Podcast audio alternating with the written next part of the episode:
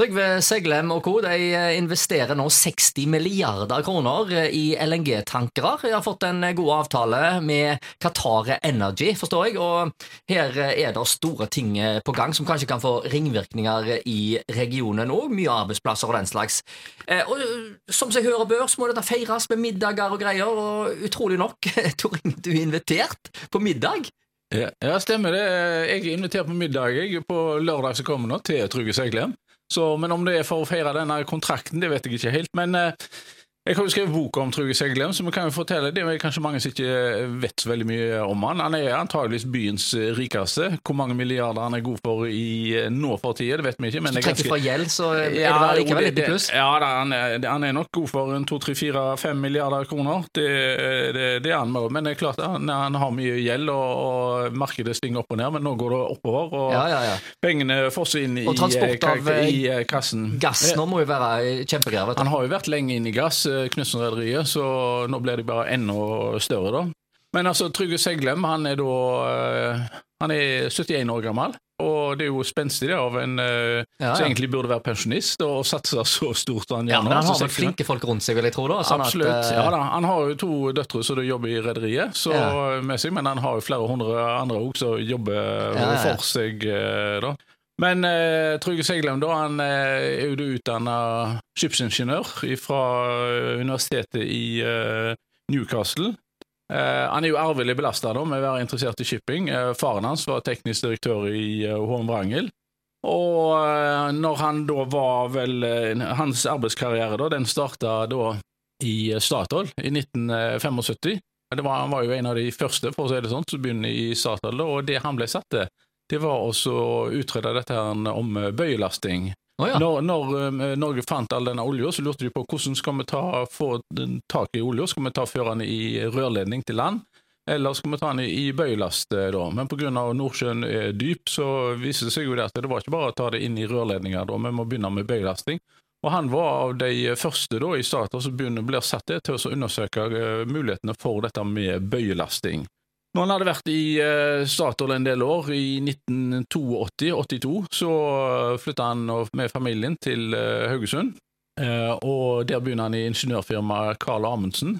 Der blir han bare et års tid, og så er det at han blir ansatt i Knutsen-rederiet. Knutsen-rederiet hadde den gang en subsea-avdeling, og der var han ei lita stund. Men så Eh, så er det jo at Knutsen-rederiet er da på egentlig nede på i knestående. Eh, da, de har store problemer. Men så i 84 så, kommer, så sender Statoil ut en anbud, tilbud om anbud om, eh, for tre bøyelastere.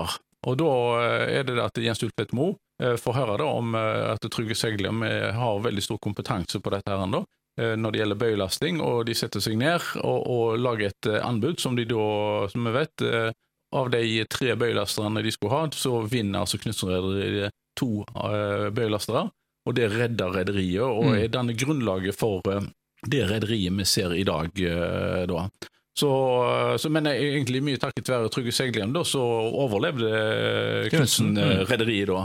Det var jo 25 rederier den gangen som kjempa om den kontrakten, og av alle Oi. ting så ble han gitt da til dette Knutsen-rederiet, som var egentlig var, helt på avgrunnen. Så det at han hadde jobba i, i Statoil med dette, og, og, og, kjente til en del eh, faktorer da, og var god på det, så eh, altså, han hadde, han hadde var det vekt på skåla? Han, hadde tekniske kunnskaper som gjorde at mm. de vant eh, det anbudet og sånt. Og han var jo, han er, går for å være usedvanlig dyktig da, og Eh, han og, han og Jens Utvedt Moe de samarbeida godt. og Etter hvert så kjøpte de jo eh, flere skip. Eh, de kjøpte seg inn i, i skipene og fikk større andeler.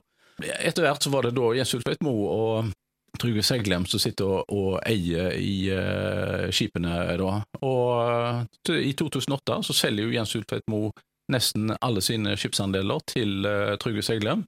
Men eh, som jeg husker da, i 2008, sommeren eller høsten 2008, så kom jo den store finanskrisen. Da hadde Trygve Seglem akkurat kjøpt ut uh, Jens Utvedt Moe for uh, over 6 milliarder kroner. Han hadde ikke finansieringen på plass, og det, han sto da rett og slett i fare for at uh, dette her kan falle over ende. Mm. Da, for han fikk ikke finansiering da.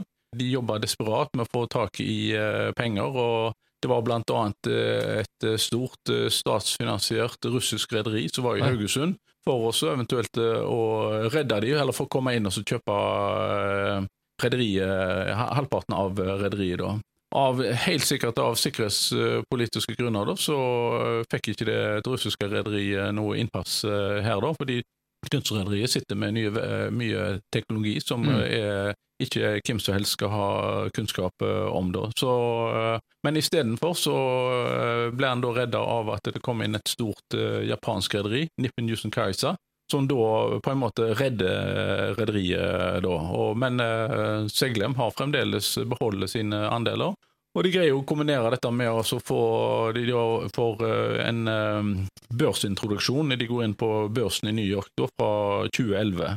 Så uh, det har gått opp og ned med rederiet, men de, de, har alltid greid å komme ned med beina først, eh, da. Det har vært tøffe tak, med andre Det har vært eh, tøffe tak. En annen side ved Trygve Seglem han er jo en stor kunstsamler. Han har vel en av Norges største samtidskunstsamlinger. Ja. Både når det gjelder malerier, men òg skulpturer.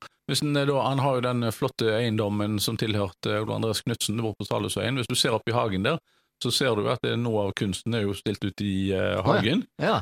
Så, eh, så, han er en stor kunstsamler, og så er han ikke minst en eh, stor eiendomsbesitter. Han er vel en av de største eiendomsbesitterne på Haugalandet. Og han sitter òg med store eiendommer både i Stavanger og Stord, blant annet. Så han har vel mellom 80 og 100 000 kvadratmeter med ulike typer eiendommer. Da. Så han er blant de mm. to-tre store i Haugesund her, da. Så Eh, denne kunstsamlingen hans den er jo så stor at han har ikke plass til den hjemme, da, så han har jo et eget galleri da, så kun han har adgang til. Da er nede på i Møllerveien, da, i øverste etasje der, så ja, ja. har han et stort galleri. Da. Så, ja, det er godt sikra, skulle jeg tro. Absolutt. Så, men det, det er imponerende. det. Han er 71 år og still going strong, så men så av alle ting, da, så var jeg da invitert i middagsselskap. Ja, ja, ja, ja. Det var sikkert noen som ble litt overrasket over det. fordi ja. at eh, når du skrev den uautoriserte boka, så eh, var han vel egentlig ikke så fornøyd? Nei, altså, ja, om han var fornøyd eller ei, han var iallfall ønska ikke å bidra til og ikke kommentere han i det hele tatt eh, og sånt. Så, ja. Men nei, på lørdag som kommer nå, så er det da et løp som heter Borgøy rundt.